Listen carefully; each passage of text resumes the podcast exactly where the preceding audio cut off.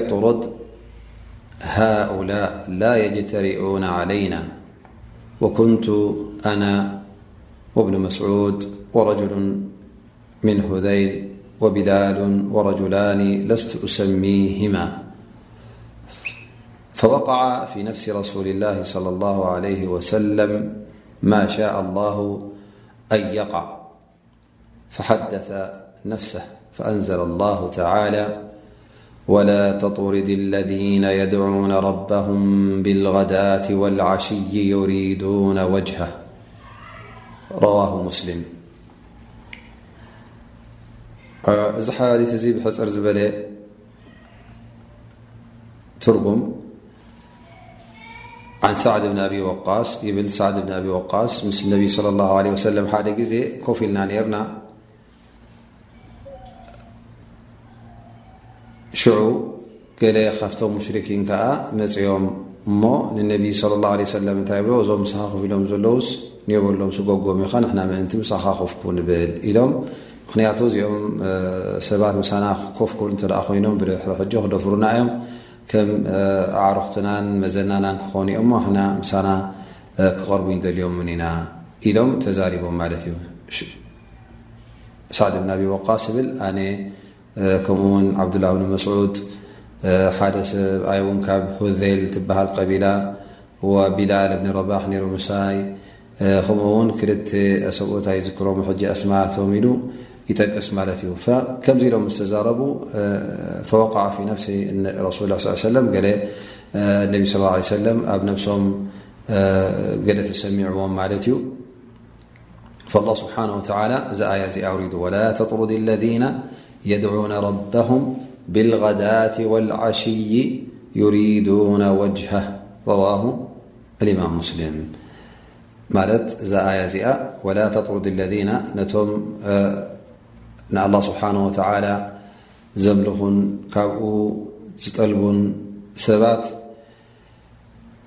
እሞ ኸዓ ለይትን መዓልትን ወይ ከዓ ንግሆን ምሸትን ንኣላ ስብሓን ወተላ ዝግዝኡ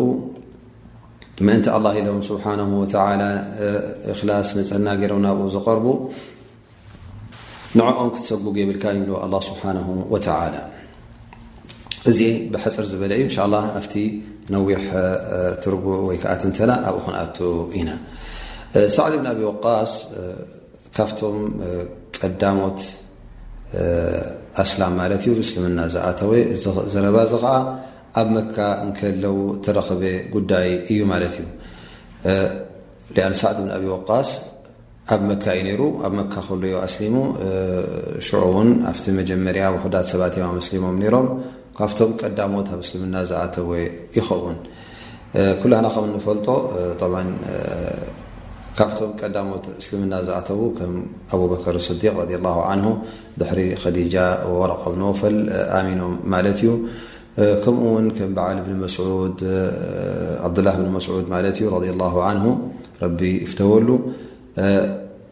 ካብቶም ቀዳሞት ኣብ እስልምና ዝኣተወ እዩ ንሱ ከዓ ጓሳ እዩ ነይሩ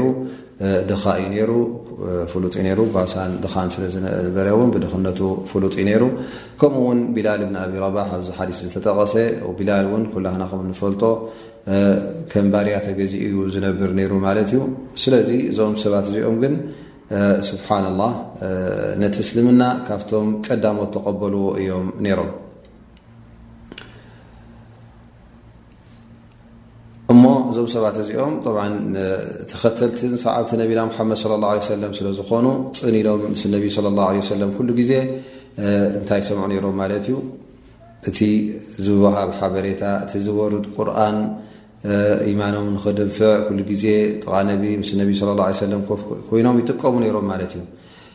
ሓደ ግዜ እቶም ሙሽሪኪን መፁ ማለት እዩ ነብሶም ጠብዓ እቶም ሙሽሪኪን ንገዛእ ርእሶም እቲ ህዝቢ ኣብ መካ ዝነበረ ከም ደርብታት ገይሮም መቃቂሎሞ ማለት እዩ ክቡራት ሰባት ኣለዉ እቶም ሽማግሌ እቶም ዓበይቲ ዓዲ ገደ ዝበሃሉ እዞም ሰባት እዚኦም ሕጂ እቲ ነብሶም እንታይ እዮም ዝርእዎም ነይሮም ዝያዳ ካብ ካልኦት ኮይኑ እዩ ትስምዖም ነይሩ ማለት እዩ ምስቶም ድኻታት ምስቶም ስቕኢልካ ሓላፍነት ዘይብሎም ስኡናት ምስኦም ኮፍ ኢሎም ክዕልሉ እዚ ነገር እዚ ይቕበልዎ ኣይነበሩን ሕጂ መፂኦም ናብ ነቢ صለ ላሁ ለ ወሰለም ይብሉ ያ ሙሓመድ እዞም ሰባት እዚኦም እስኪ ኔው በሎም ኢኻ ኣርሕቆም ንሕና ምስኻ ኮፍ ክንብል እንተ ኮይና ትብለና ዘረባ ክንሰምዕ እንተ ኮይና ምዚኦም ክኸውን የብሉን ንሕና ኣብ ቤት ዓዲ ኢና ንሕና ምስኦም ኮፍ ንብል ኣይኮናን ኢሎም ነቢ صለ ላሁ ለ ወሰለም ከምዚ ኢሎም ተዛሪቦሞ ማለት እዩ ፈነቢ صለ ላሁ ለ ወሰለም እቲ ዳዕዋ ናቶም ኣብ ኩሉ ክበፅሑ ዮም ደልዎ ነይሮም ኣብ ኩሉ ክበፅሕ ስለ ዝደልይዎ ከዓ ነዞም ሰባት እዚኦም እቲ ቁርን ይኹን እቲ ዳዕዋ ይኹን ከብፅሕዎ ክነግርዎም እዮም ዝሓስቡ ነይሮም ማለት እዩ ፈነቢ ስ ሰለም ክሓስቡ ጀሚሮም ማለት እዩ እሞ እዚኦም ሰባት እዚኦም ምናልባሽ ስምና ተተቐበሉስ እቲኦም ኣመስሊሞም እዮም ሕጂ ነዚኦም ማ ዕድል ተሃብኮም ገለ ከምዚ ኣብ ነብሶም ነቢ ስ ሰለም ክሓስቡ ምስ ጀመሩ ኣላ ስብሓን ወተዓላ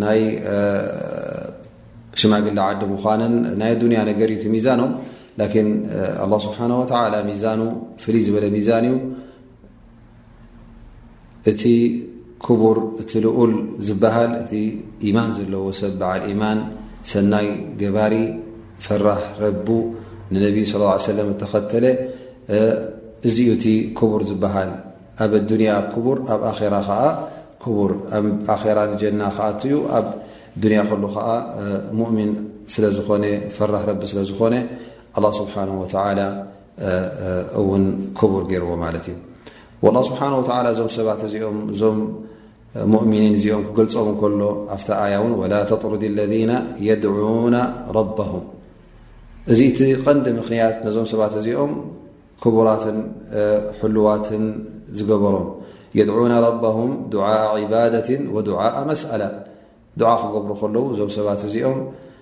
እቲ ዱዓ ናቶም ናይ ዒባዳ ዱዓ ማለት ንኣምልኾት ዘለዎ ኣ ጎይታ ንኣላ ስብሓን ወተዓላ ዒባዳ ዝገብሩ እዮም ሰላት ንገዛ ርእሱ ክሰግድ ከሎ ሓደ ሰብ ዒባዳ እዩ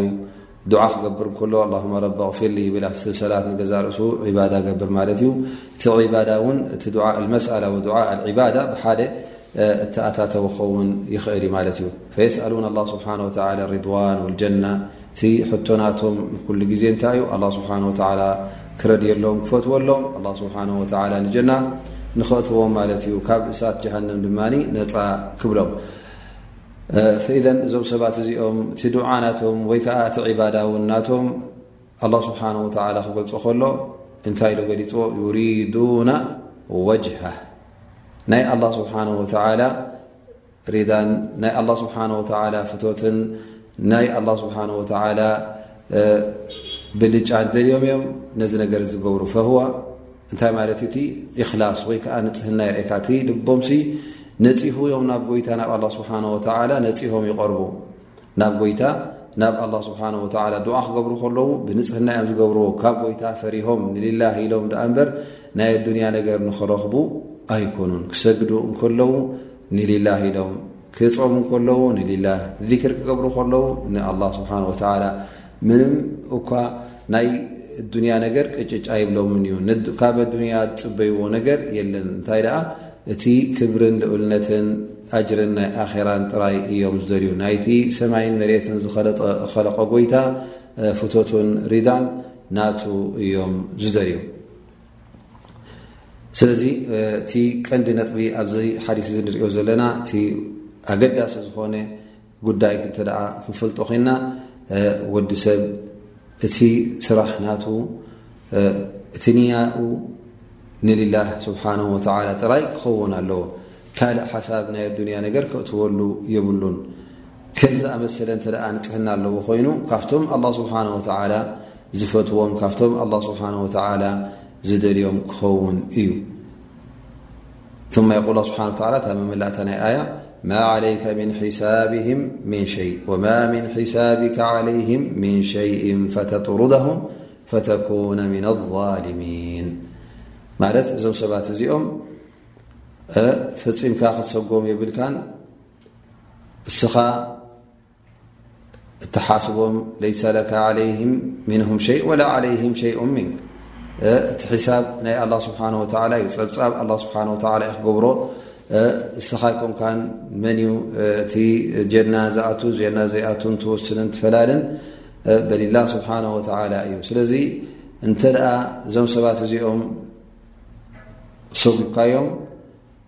ኣላ ስብሓን ወተላ ክሓስበካ እዩ ካብቶም ዓመፀኛታት ካብቶም ካብ መገዲ ዝወፁ ክትከውን ኢኻ ፈተኩነ ፈተጥሩዳሁም ፈተኩነ ምን ኣልሚን እንተ ሰዊኳዮም እንታይ ትኸውን ኣለኻ ማለት እዩ ካብቶም ቫልሚን ካብቶም ዓመፀኛታት ነብሶም ዝዓመፁ ገበን ስለ ዝፈፀምካ ይብሎም ኣላ ስብሓን ወተላ ንበል ንነቢና ሙሓመድ ለ ላ ለ ወሰለም ስለዚ እቲ ወዲ ሰብ ኩሉ ግዜ ኣብ ረቢ ክቐርብ እንከሎ ናብ ጎይታ ዝቐረበ ክኸውን ከሎ ኩሉ ግዜ ኣብቲ ረቢ ዝፈትዎን ኣብቲ ኣላ ስብሓን ወተላ ዝደልዮም ክርከብ እንከሎ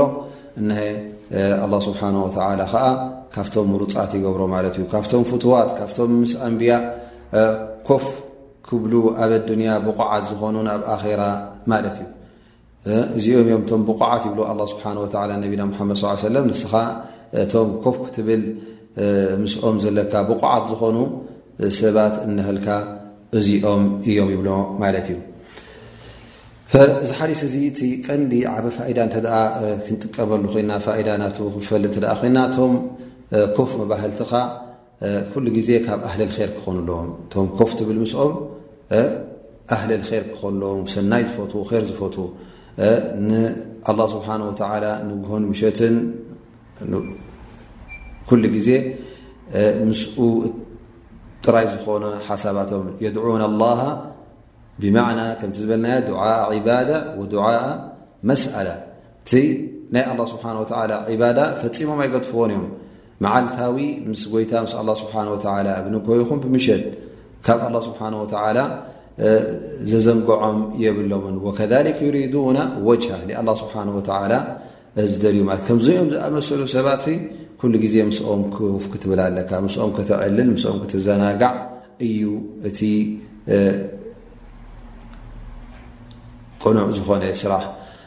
ኣማ እንተ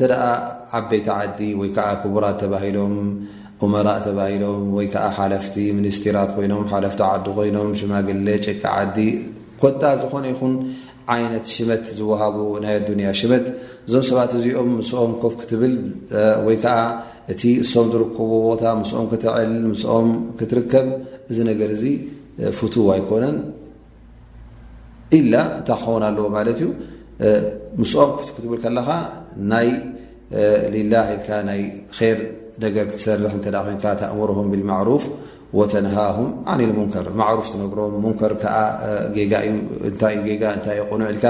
እንተ ክትጠቕሞም ኮንካ ጥቕሚ ዘለዎ ነገር እተ ናይ ኣኼራ ክትዛረብ ኮንካ ምስኦም እዚ ፅቡቕ እዩ ኣማ ሱቕ ኢልካ ጥራይ ንምዝንጋዕን ናይ ዕላልን እንተ ኮይኑ ካብዞም ሰባት እዚኦም ካብቶም ዓበይቲ ዓድን ክቡራት ዝበሃሉ ጥራይ እም ሰብ ሽመት እዮም እሙ ሰብ ክብሪ እዮም ኢልካ ምእንቲ ንዕኦም ክትመስል ኢልካ እተ ኮፍ ትብል ኣለካ ምስኦም ኮንካ እዚ ምስጉን ዝኾነ ስራሕ ኣይኮነን እቲ ምስጉን ስራሕ ኩሉ ግዜ ብዘይገድስ ሃፍታም ይኹን ድኻ ክቡር ይኹን ወላ እውን ትሑት ዲኑ እንተ ደኣ ቅኑዕ ዲን ዝሓዘ ኮይኑ ፍራህ ረቢ እንተ ኮይኑ ኣብ ዲኑ ተሪር ዝኾነ እንተ ኮይኑ ምስኡ ኩሉ ግዜ ክትራኸብ ኣለካ ምስኡ እውን ኮፍ በሊኻ ደኣ እምበር እቶም ኣላ ስብሓን ወተዓላ ዝፈትዎም ክትፈትዎም እቶም ኣላ ስብሓን ወተዓላ ዝፀልኦም ድማ ንክትፀልኦም ኣለካ ማለት እዩ ኣላ ስብሓን ወተዓላ ፀላእቱ መን እዮም እቶም ካሓቲ እቶም ን ስብሓ ወላ ዝኣዘዙ ዝጥሕሱ እዞም ሰባት እዚኦም ክትቀርቦም የብልካን እማ እቶም ረቢ ዝፈትዎም እቶም ጎይታ ዝፈትዎም ኩሉ ግዜ ምስኦም ከተዕልል ምስኦም ኮፍ ክትብል ምስኦም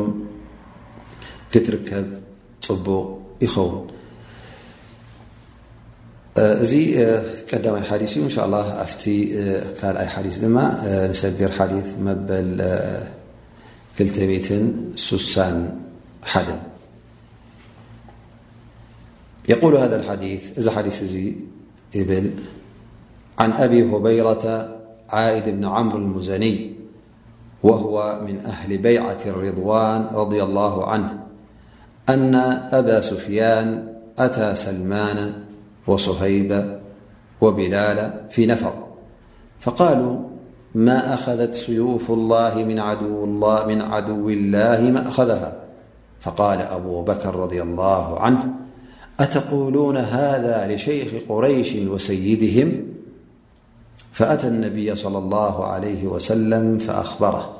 فقال يا أبا بكر لعلك أغضبتهم لئن كنت أغضبتهم لقد أغضبت ربك فأتاهم فقال يا إخوتاه أغضبتكم قالوا لا يغفر الله لك يا أخي رواه مسلم قوله ما أخذها أي لم تستوف حقها منه وقوله يا أخي أو يا أخي روي يا أخي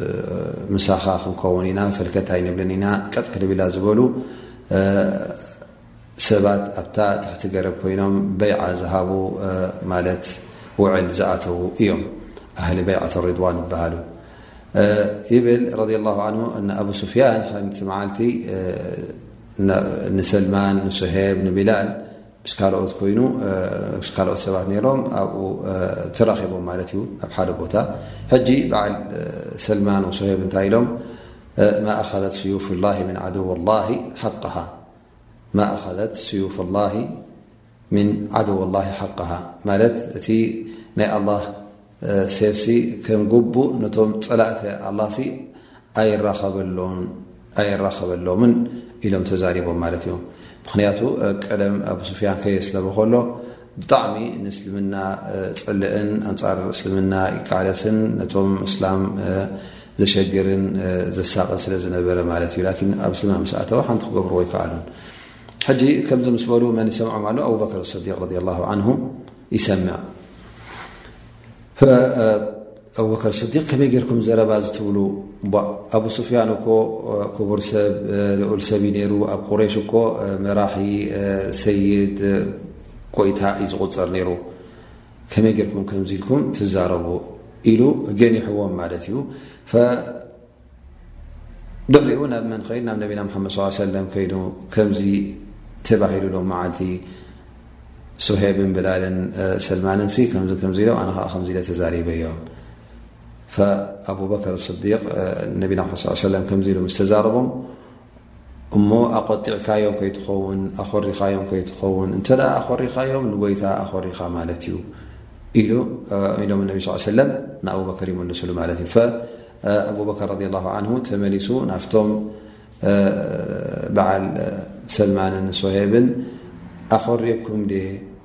እንተ ኣኾሪኩም ኮይነስ ይቕሬታ ክብል ማለት እዩ። ኣኾርየኩም እንድየ ኢለዎም ማለት እዩ። እሶም ከኣ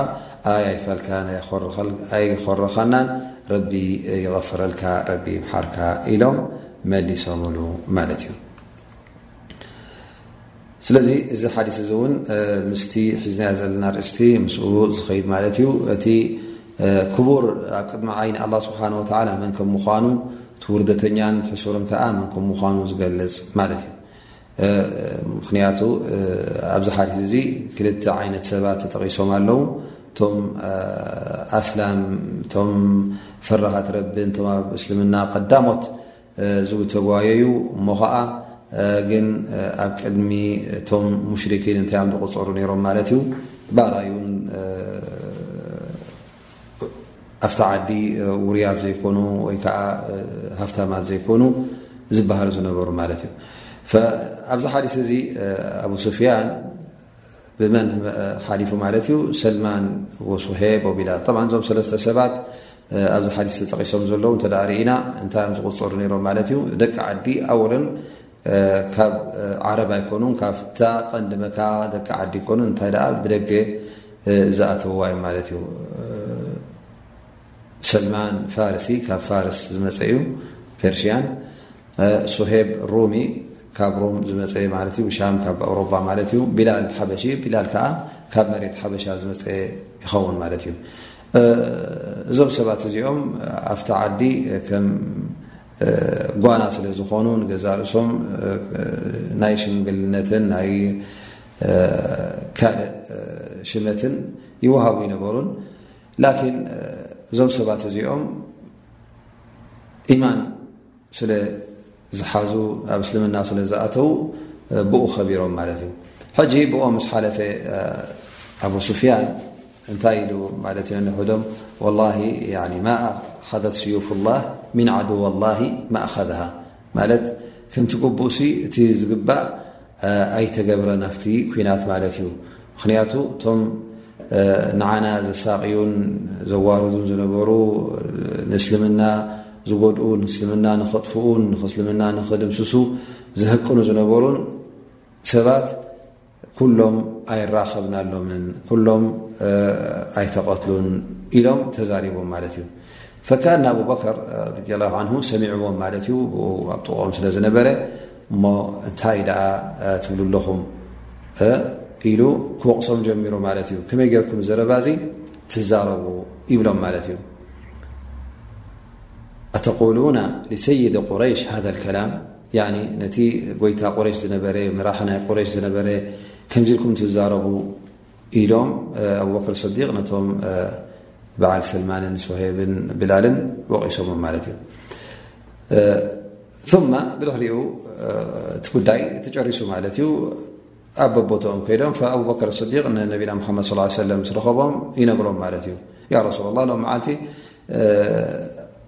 በዓል ቢላል በዓል ሱሄብሲ ንኣቡ ሱፍያን ከምዚ ኢሎሞ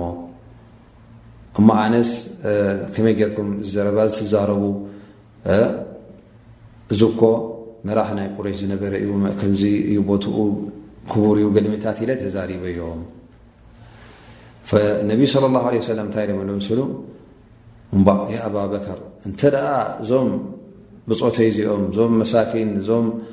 ቀዳሞት ኣብ እስልምና ዝኣተዉ እንተ ኣኾሪኻዮም ኮንካ ንጎይታ ኣኾሪኻ ማለት እዩ እተ ንዕኦም ኣኾሪኻ ንጎይታ ኣኾሪኻ ማለት እዩ ስለምንታይ ኣ እዞም ሰባት እዚኦም ኣላ ስብሓን ወተላ ስለ ዝፈትዎም ኣላ ዝፈትዎ ሰብ ድማ ጎይታ ዝፈትዎ ሰብ ክትኹርዮ የብልካን ምክንያቱ እንተ ኣኾሪኻዮ ኣላ ስብሓን ወተላ እውን ብቲ ዝገበርካዮ ገበን እውን ይኹሪ ማለት እዩ ወላ እውን እዞም ሰባት እዚኦም ዘለዎም ናይ ዱንያ ነገር ኣይሃለዎም ዳኣ እምበር ካብቶም ክቡራት ካብቶም መራሕቲ ዓዲ ካብቶም ካልእ ነገር ኣይ ይቆፀሩ ድኣ እምበር ላኪን ኣላ ስብሓን ወተላ እዞም ሰባት እዚኦም መሪፅዎም ኣብ እስልምና ኣትዮም ንእስልምና ከዓ ዝሰርሕዎን ዝፍፅምዎን ዘለዉ ብእክላስ ብፍርሃት ረቢ ስለ ዝኾነ እዞም ሰባት እዚኦም ከተኾርዮም የብልካን እሞ እንተ ኮሪኻዮም ኮንካስ ተጠንቀቕ ንጎይታ ከም ዘኾረኻ ኢኻ ኢሎም ነቢ ስ ሰለም ንቲ ፍቱው ዝኾነ ብፃዮም ንኣብበከር ስዲቅ ከምዚ ኢሎም ይምልሱሉ ማለት እዩ ጠብ ምስ ተመለሰ ሽዑ እናጎየ ናብ መን ይምለስ ኣሎ ማለት እዩ ኣብበከር ስዲቅ ናብኦም ናብቶም ኣኾሪኻዮም ከይትኸውን ዝበሎም ነቢ ስ ሰለም ናብኦም ተመሊሱ ዋእ ኣንቱም ኣሕዋተይ ኣኾርየኩም እንዴ ኮሪኹም ኮይትኾኑ ተርኣ ኮሪኹም ሲ ይቕረ በሉለይ ኮሪኹም ዲኹም ዘረባይ ኣኾሪኩም ዲ ኢሎም ኣቡበክር ስዲቅ ክዛረብዎም ወይ ከዓ ይቕሬታ ክሓትዎም ጀሚሮም ማለት እዩ ሶም ከዓ ተቐብል ኣቢሎም ላ ኣይኮረኻና ንሕና እውን ኣይኮረና ናብ ሸር ረቢ ይቐፍረልካ እንተ ጌጋ ጌርካ ኮንካ ውን ረቢ ይምሓርካ ኢሎም ይቕረ ኢሎሞ ማለት እዩ እዘን እዚ ሓዲስ እዚ እንታይ እዩ ዘረጋግፀልና ዘሎ ማለት እዩ ወዲ ሰብ እዚ ድኻ እዩ እዚ መስኪን እዩ እዚ ስኡን እዩ እዚ ስንኩል እዩ እዚ የቲም እዩ እዚ ከዓ ከምዚ ኢልካስ ከትስታእና ኣሶም ይብልካን እቲ ቂማ ናቶም ወይ ከዓ እቲ ዋጋ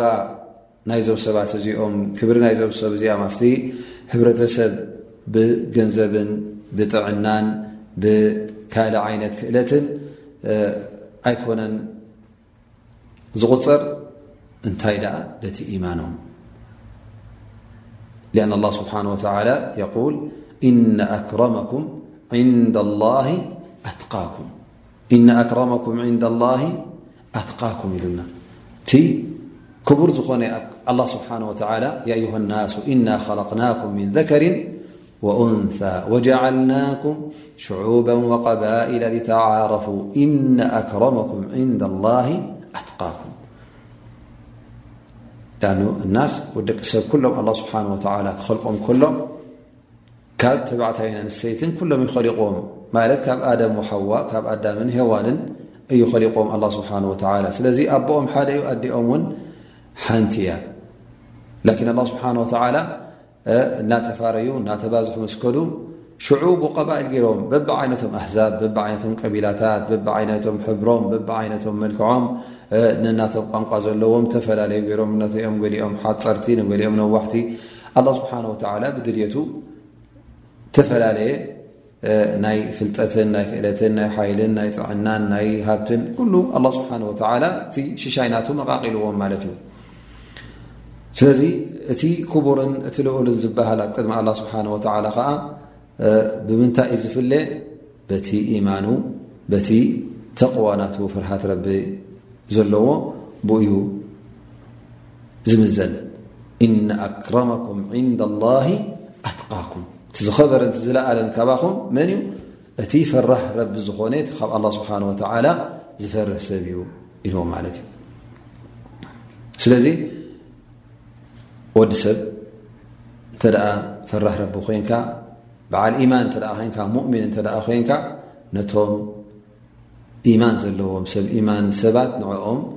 ከተኽብር ኣለካ ንዕኦም ኡፍኡፍ ክትብል ኣለካ ምስኦም ኮፍ ክትብል ኣለካ ወላ ስብሓን ወተላ ነቢና ሙሓመድ ለ ላ ለ ወሰለም እንታይ ኢሎም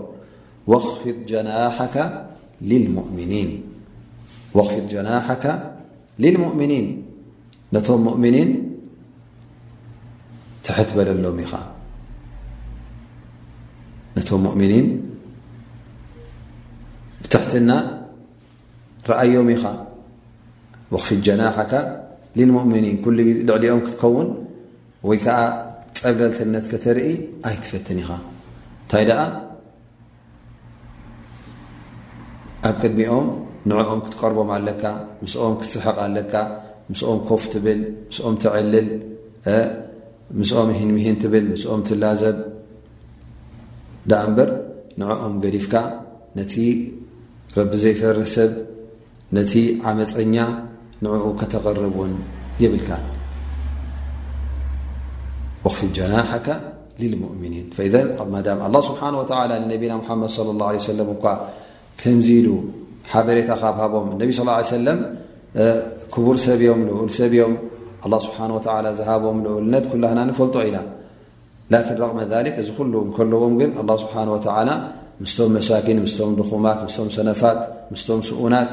ምስኦም ኮፍ ክብል ምስኦም ከዕልል ከይሰጎም ክሓትዎም ክሰምዑን ካብኡ እተ መፅኦም ከቕርቦም ክዛረቦም እንከሎ ከዓ ብክብሪ ይዛረቦም ማለት እዩ የኽብሮም ማት ወክፊት ጀናሓካ ሊል ሙእሚኒን ንዕኦም ነዞም ሰብ ኢማን ነዞም ሙእሚኒን እዚኦም ንዕኦም ደኣ ብትሕትና ቀረቦም ኢኻ እዩ ዝብሎ ዘሎ ኣላ ስብሓናሁ ወተዓላ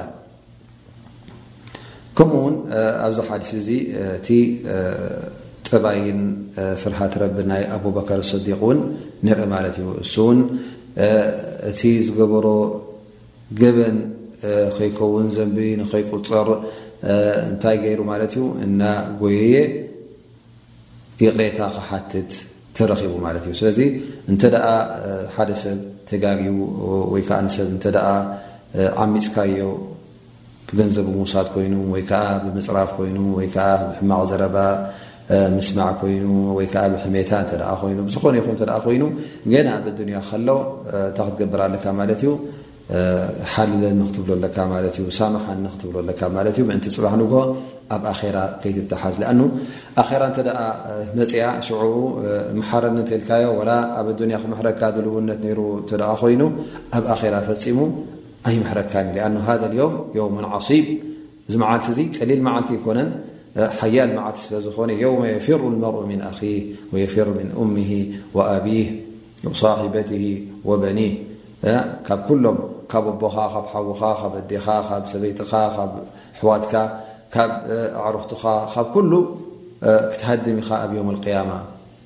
ኩሎም ክትሪኦም ኣይደልን ኢኻ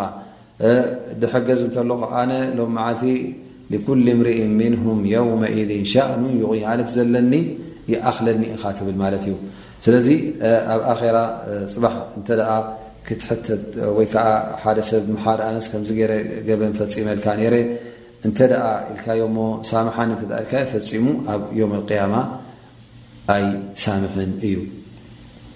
ሊኣኑ እዚ መዓልቲ እዚ መዓልቲ ምሳምሕ ኣይኮን ላስ መዓልቲ ፀብፃብ እዩ ከምኡ ውን እቲ ሽግር እቲ ነገር እውን ብዓይኑ እዚ ሰብ እዚ ይሪኦ ስለ ዘሎ ሕጂ ዝኾነት ሰናይ ተግባር ዝኾነት ሓሰና በየን ተረክበት ይርዩ ክወስዳ ማለት እዩ እሞ ሕጂ ደኣ ሓሰናት ካባኻ እናረኸበ ከሎ ከመይ ገይሩ ይገድፈልካ ማለት እዩ ስለዚ ሊኣኑ ኣብ ኣዱንያ እንተ ደኣ ዘይሳምሓካ ኣብ ኣኼራ ክሳምሓካ እዩ ዝበሃል የለን ማለት እዩ ሊኣኑ ኣብ ዮም ቅያማ እንተ ኣብ ኣዱንያ ዘይሳምሓካ ኣብ ዮም ቅያማ ካበኻ ክትቦ ካፍቲ ሓሰናት ካብቲ ሰናይ ተግባራት ናትካ ኢኻ ክትወስዳ ሊኣኖ እዙ እቲ ንዕኡ ብዝያዳ ዘድልዮ ኣብቲ እዋን እቲ ወነቢ ስለ ላሁ ለ ሰለም እዚ ጉዳይ እዚ እውን ጠቒሶምና እዮም ቃል ነቢ ስለ ላ ሰለም ሓደ ግዜ ምሰም ብፆቶም ኮፍ ኢሎም ከለዉ ኣተድሩና መን ሙፍሊስ ኣተድሩና መን ሙፍሊስ ሙፍሊስ ዝበሃል በተኽ ዝበሃል ፈልሳን ገንዘብ ዘይብሉ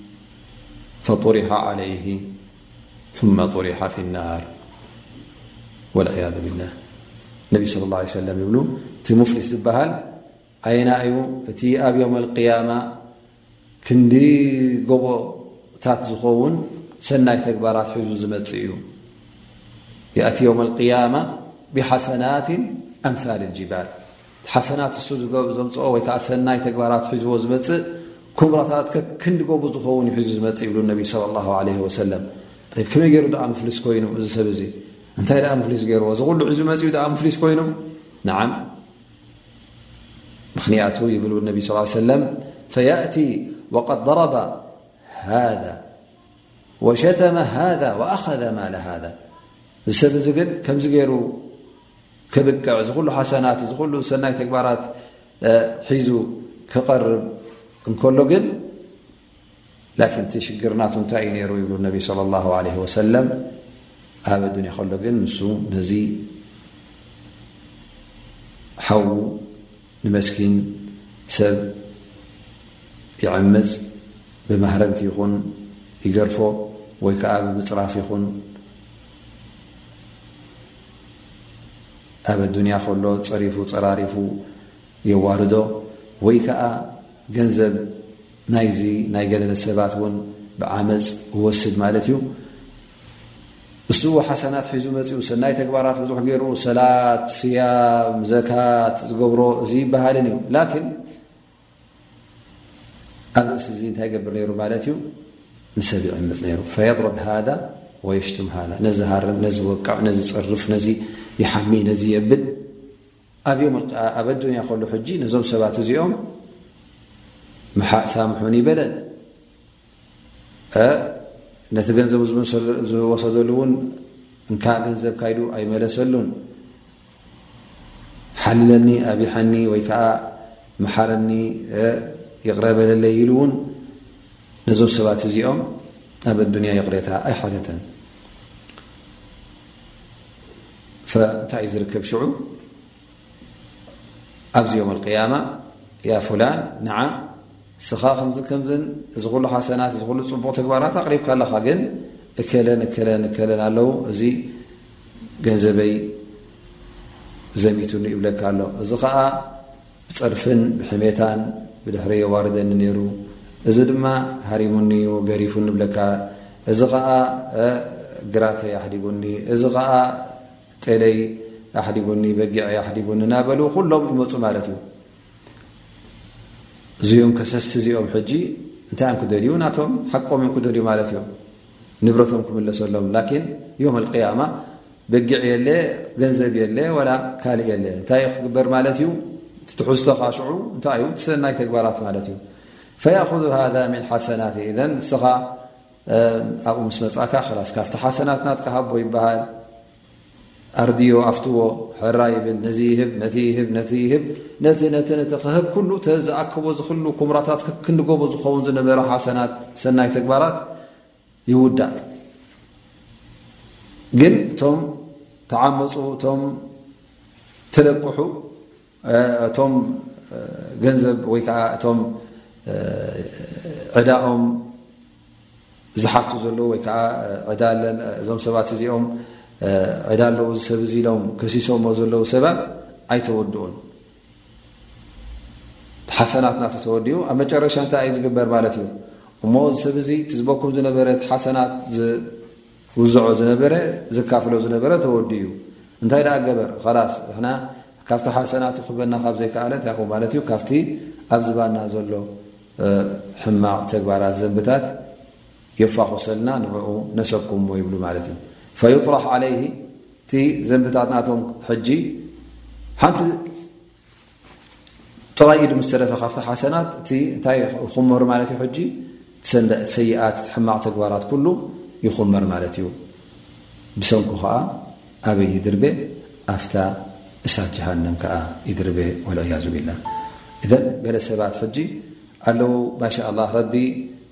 ይውፍቆም ማለት እዩ ኣብ ሰላቱ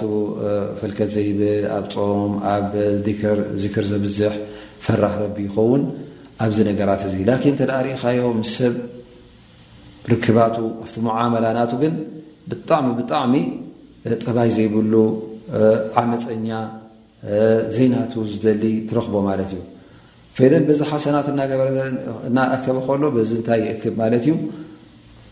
በዚ ከዓ ዕዳ ይእክብ ማለት እዩ ስለዚ ኣብ ኣራ ካብቶም ሙፍሊሲን ንኸይትኸውን ፈለስ ንኸይሕዘካ ተጠንቀቕ እዩ ዝብለካ ዘሎ ነቢ ለ ላ ሰለ እዞም ኣህለል ኢማን ድማ እዞም ፈራሃት ረቢ እዞም ኣላ ስብሓን ወተላ ጠቂስዎም ዘሎ እቶም መሳኪን ተባሂሎም ዘለዉ ላኪን መገዲ ኢማን ሒዞም ዝኸዱ ንግሆን ምሸትን ሃንቀውቶኦም ድልየቶም ፍቶት ናይ ኣላ ሪዳ ናይ ኣላ ስብሓን ወተዓላ ዝኾነ ሰባት ምስኦም ኮፍ ክትብል ትእዘዝ ማለት እዩ ንሶም ምእንቲ ሒዞምኻ ሓቢርካ ምስኦም ንጀና ንክትከይድ እሶም እዮም ከኣቶም ብሓቂ ኣብ ዓይኒ ኣላ ስብሓን ወተላ ክቡራት ዝኾኑ ኣብ ኣዱንያን ኣኼራን ክብረት ዘለዎም እቲ ናይ ኣዱንያ ሽልማት ናይ ኣዱንያ ብለጭለጭ